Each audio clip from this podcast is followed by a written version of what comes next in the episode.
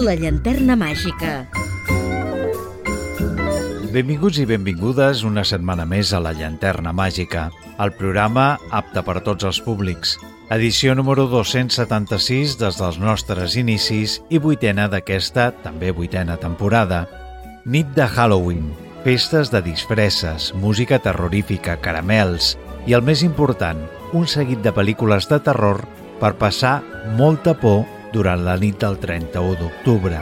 Perquè, en efecte, la nit de Halloween és el moment idoni per gaudir de les millors pel·lícules de terror del moment o també per fer una ullada enrere i passar-nos-ho bé amb alguns clàssics del gènere que són imprescindibles per tots aquells que estimen el cine de terror, i més durant aquestes dates.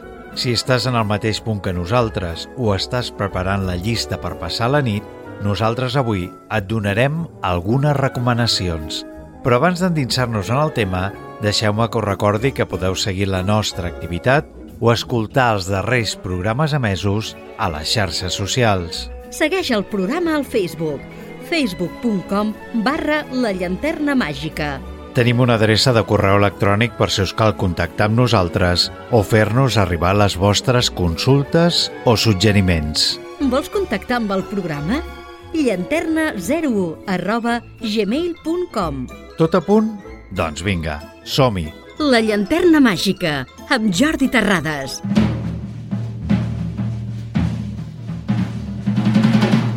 L'any 2009, la gran pantalla va rebre un dels títols més incòmodes de veure dins del gènere d'animació.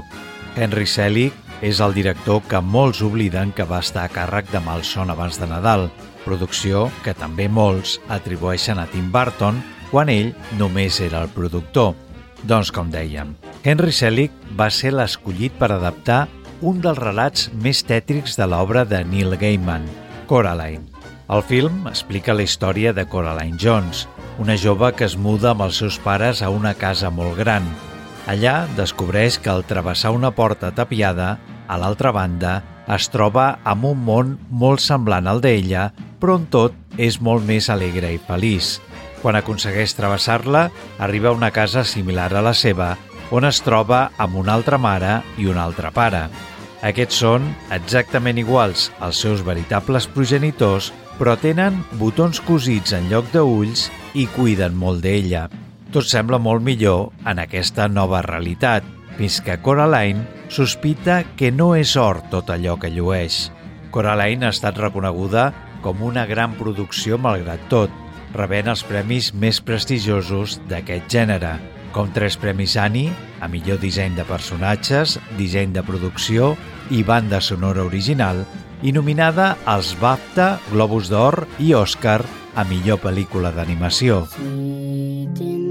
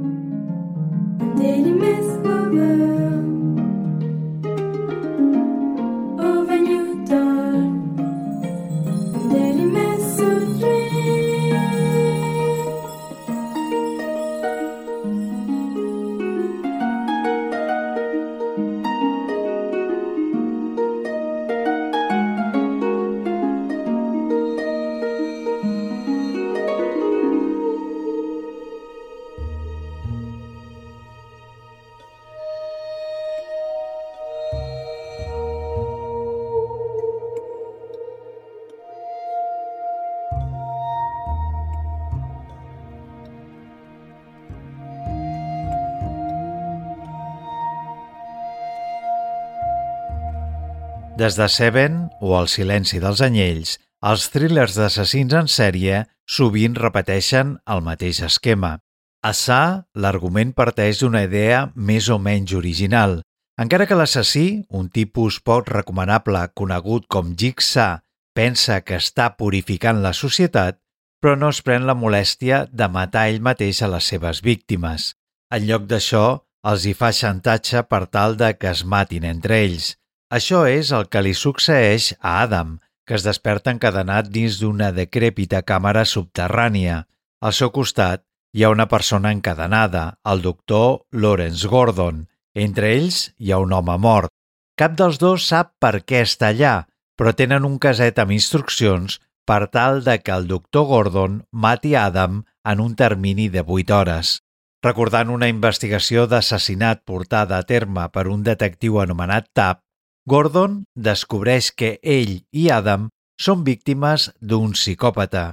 Només disposen d'unes hores per desenredar el trencaclosques complicat en què es troben immersos. El director i coguionista James Wan s'accedeix amb els elements sanguinaris i la truculència dels macabres jocs de l'assassí per aconseguir mantenir una certa tensió al llarg de tot el metratge, encara que el reclam més gran és la presència de Danny Glover, que interpreta el policia que investiga el cas.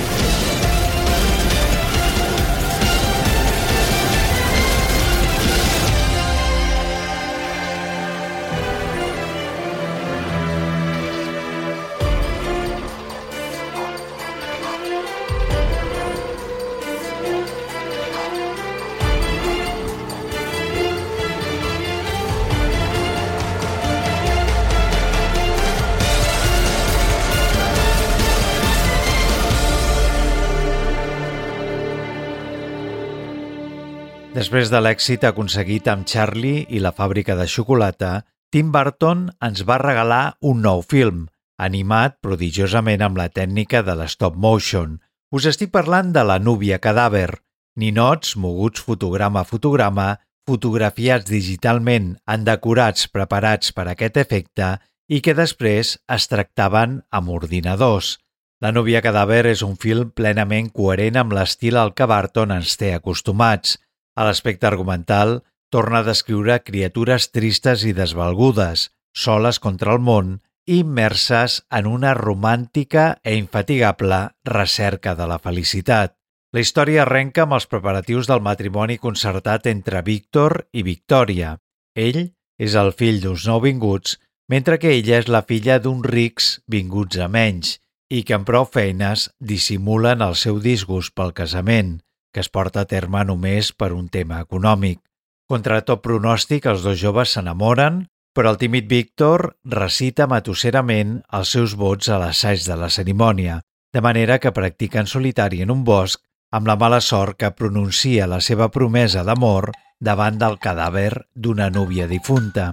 Arran d'aquest fet, ella es considera la dona de Víctor, no serà gens fàcil desfer aquest embolic. Give me a listen, you corpses of cheer, least those of you who still got an ear. I'll tell you a story, make a skeleton cry of our own jubiliciously lovely corpse bride.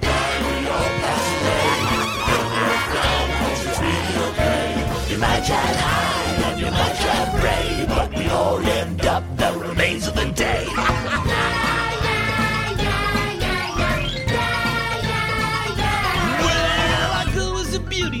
miles around when a mysterious stranger came into town. He was plenty good looking, but down on his cash. And our poor little baby, she fell hard and fast when her daddy said no. She just couldn't cope, so our lovers came up with a plan to elope.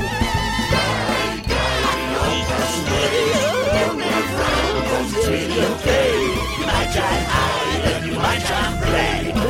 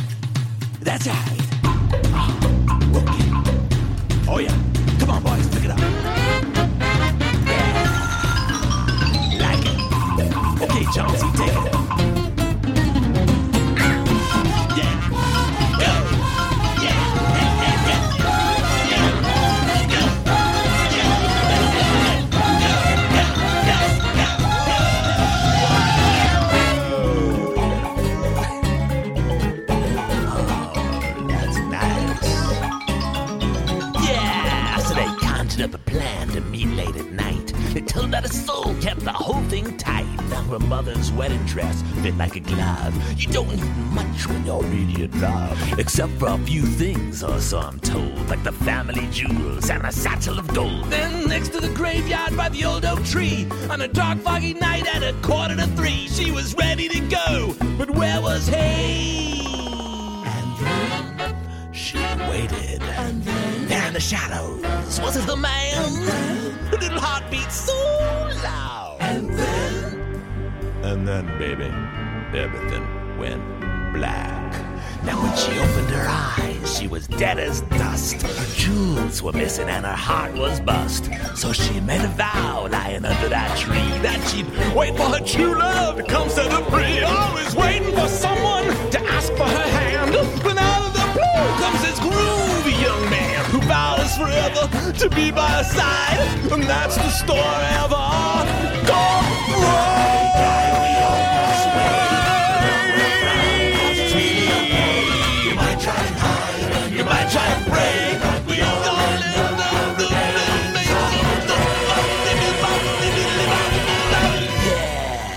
La llanterna màgica, a Ràdio Sabadell. L'any 1994 va ser un bon any per al món del cine, estrenant-se grans títols que van marcar tota una dècada. Pulp Fiction, Forrest Gump, Quatre bodes i un funeral i Entrevista amb el vampir, adaptació de la primera novel·la d'Anne Rice de Cròniques vampíriques, saga de llibres que pren com a protagonistes aquests encantadors éssers. La idea que es dona a la novel·la del que és un vampir està totalment allunyada de qualsevol altre relat o pel·lícula. Un exemple és que veuen els crucifixos o les estaques com una estúpida llegenda. Els seus protagonistes són personatges encantadors, elegants, poderosos, enigmàtics, seductors, immortals, aristòcrates i sempre amb aspecte juvenil i un rostre fi i bonic, però amb segles a la seva esquena. Dirigida per Neil Jordan, compta amb la pròpia autora a l'escriptura del guió. Una de les bases de la pel·lícula és la relació entre el trio de vampirs protagonista, Lestat, Luis i Clàudia, relació que arriba a l'espectador gràcies al bon treball dels tres actors, Tom Cruise interpretant un dels millors papers de tota la seva carrera, Brad Pitt i Kirsten Dunst, una nena a la que l'Estat i Luis converteixen en vampir per evitar que mori, assumint que tindrà aquest aspecte infantil per tota l'eternitat.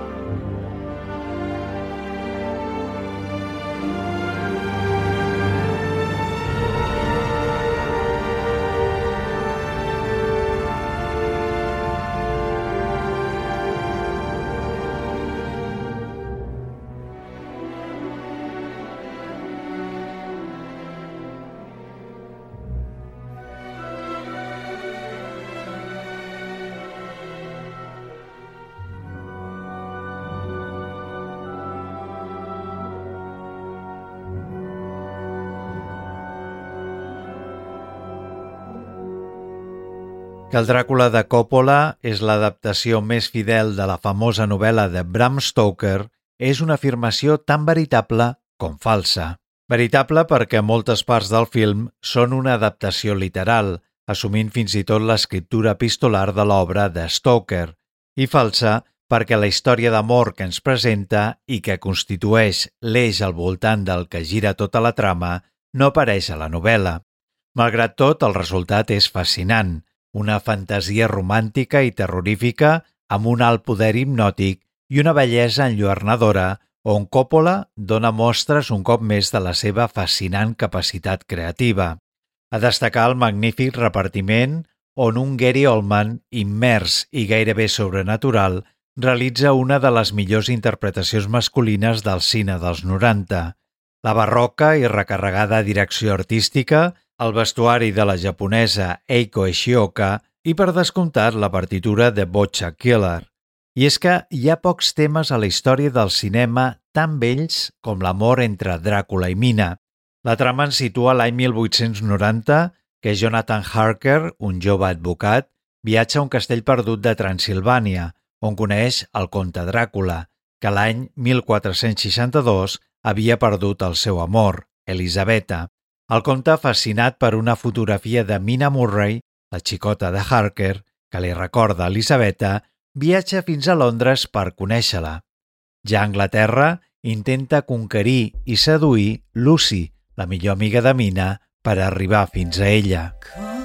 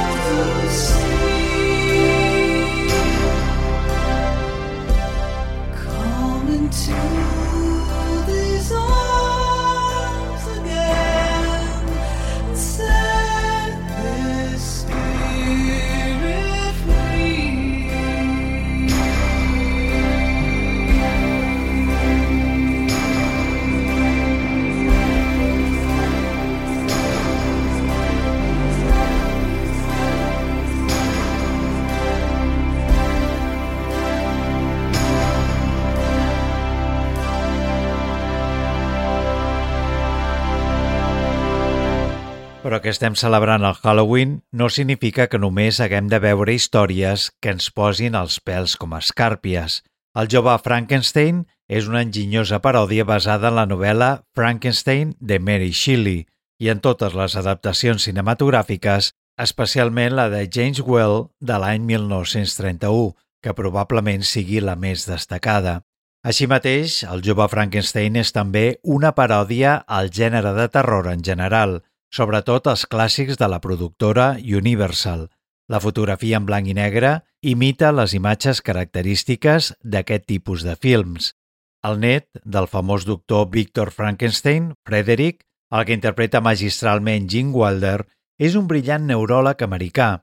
Un dia rep la notícia de la mort del seu avi, que l'ha deixat com a únic hereu, però per fer-se càrrec de les possessions haurà de viatjar a Transilvània, un cop al castell familiar, troba arxivats els documents dels macabres experiments que realitzava l'avi i descobreix que va ser capaç de donar vida a un ésser humà compost de membres de diferents cadàvers. Desitjós de provar les seves habilitats, el jove Frederick no es pot resistir a la idea de crear la seva pròpia criatura. La pel·lícula més divertida de Mel Brooks que va propulsar la carrera de Gene Wilder i del jove Marty Fieldman, que donava vida a Igor, el seu ajudant.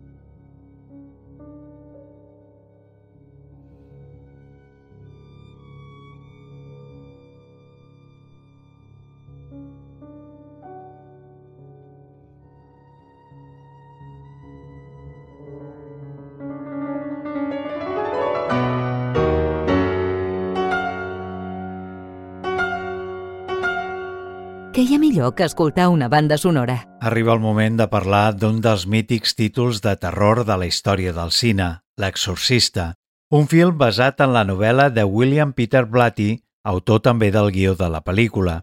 La cinta narra la història d'un exorcisme real ocorregut al 1949, però traslladat a l'actualitat i barrejant en gran encert i eficàcia terror i creences religioses. L'exorcista va resultar ser tot un fenomen al seu dia, aconseguint una impressionant recaptació. El seu director, William Friedkin, dirigeix el film en gran encert i mantenint sempre un pausat però eficaç ritme narratiu i potenciant els elements dramàtics amb els religiosos de manera molt correcta. Cal fer esment de tot el gran elenc d'actors encapçalat per una immillorable Ellen Burstyn.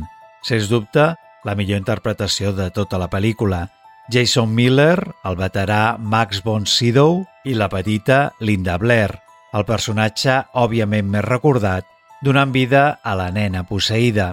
El tema central de la pel·lícula, extret de l'àlbum Tubular Bells de Michael Field, ajuda a crear més tensió a una gran cinta de terror.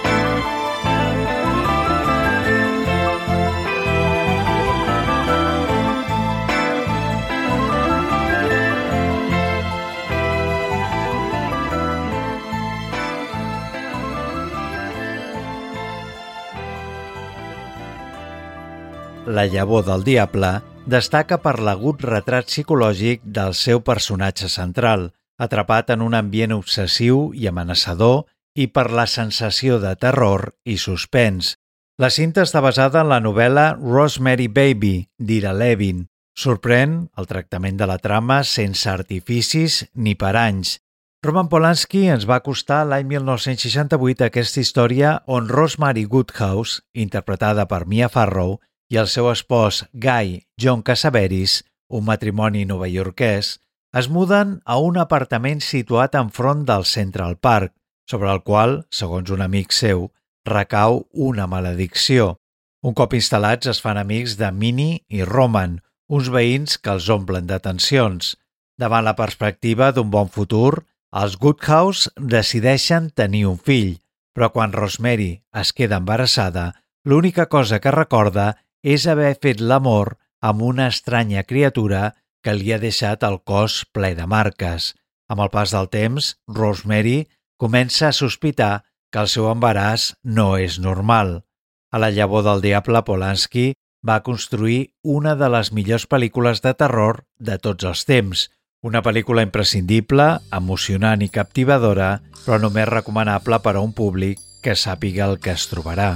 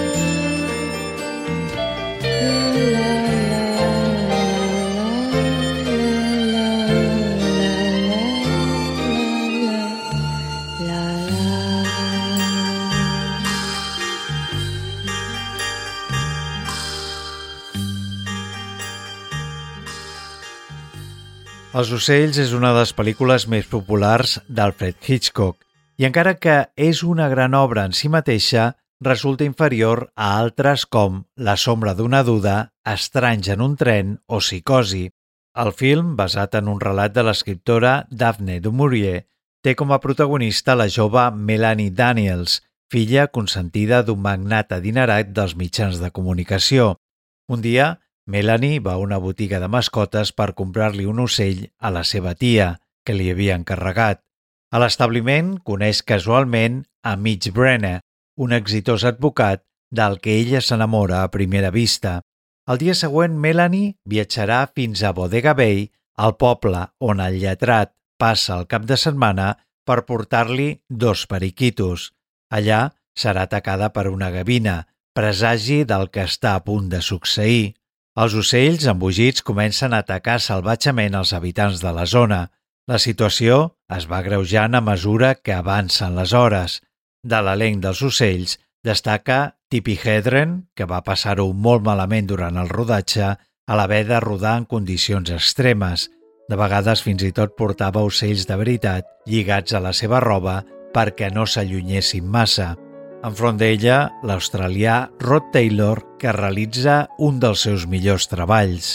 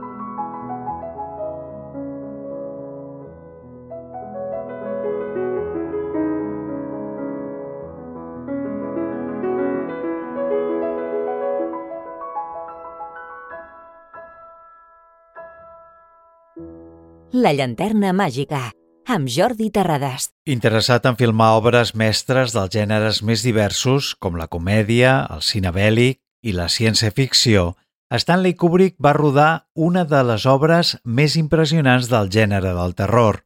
Per fer-ho, va partir d'una novel·la de Stephen King, mestre del gènere, i concretament va escollir El resplendor, tercera novel·la de l'autor estatunidenc, publicada l'any 1977. Jack Nicholson era l'intèrpret ideal per encarnar el paper de Jack Torrance, un home que progressivament sucumbeix a la bogeria. Jack resulta absolutament terrorífic a les seqüències on persegueix a la seva dona i el seu fill amb una destral. El sempre innovador Kubrick va fer servir per primera vegada l'anomenada Steadicam, un tipus de càmera que permet seguir els personatges en seqüències com la del nen pujat dalt d'un tricicle pels passadissos de l'hotel. A la trama de la pel·lícula, Jack Torrance es trasllada amb la seva dona i el seu fill de 7 anys a l'impressionant hotel Overlook a Colorado per encarregar-se del manteniment de les seves instal·lacions durant la temporada hivernal època en què roman tancat i aïllat per la neu. No obstant, poc després de la seva arribada a l'hotel, Jack comença a patir inquietants trastorns de personalitat mentre succeeixen estranys i esgarrifosos fenòmens paranormals.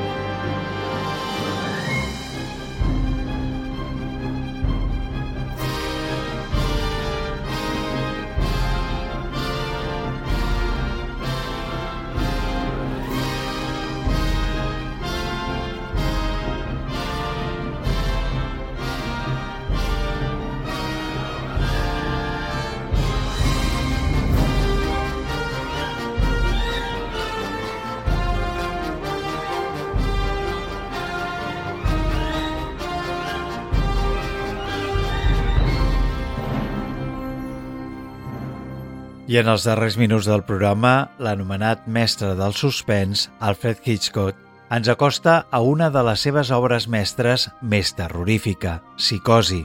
Al film, una jove anomenada Marion Crane roba una considerable quantitat de diners del seu treball, 40.000 dòlars, i emprèn la fugida per carretera. Ja allunyada de Fènix, la pluja i el cansament l'obliguen a parar i a refugiar-se en un lúgubre motel de carretera regentat per un tímid jove, Norman Bates, que viu a la casa del costat amb la seva mare. Psicosi conté la famosa escena de l'assassinat a la dutxa, que resulta esfereïdora pel seu ràpid muntatge, la seva excel·lent fotografia en blanc i negre i pels acords de violí del mestre Bernard Herrmann. La resta del film manté aquestes característiques en diferents moments memorables que mantenen l'espectador en tensió.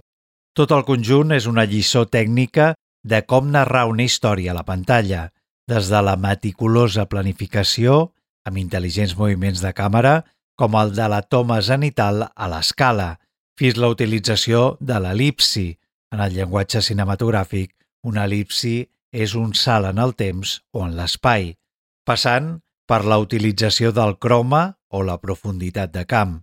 Tots aquests elements fan que Psicosi sigui una autèntica obra mestra que si encara no heu tingut l'oportunitat de veure, podeu aprofitar aquesta nit de Halloween per fer-ho. Ho deixem aquí. Rebeu una salutació de qui us ha estat acompanyant al llarg d'aquest programa, Jordi Terrades. Gràcies per la vostra atenció. Sense vosaltres, ja ho sabeu, no seríem res i us esperem a la propera edició de La Llanterna Màgica.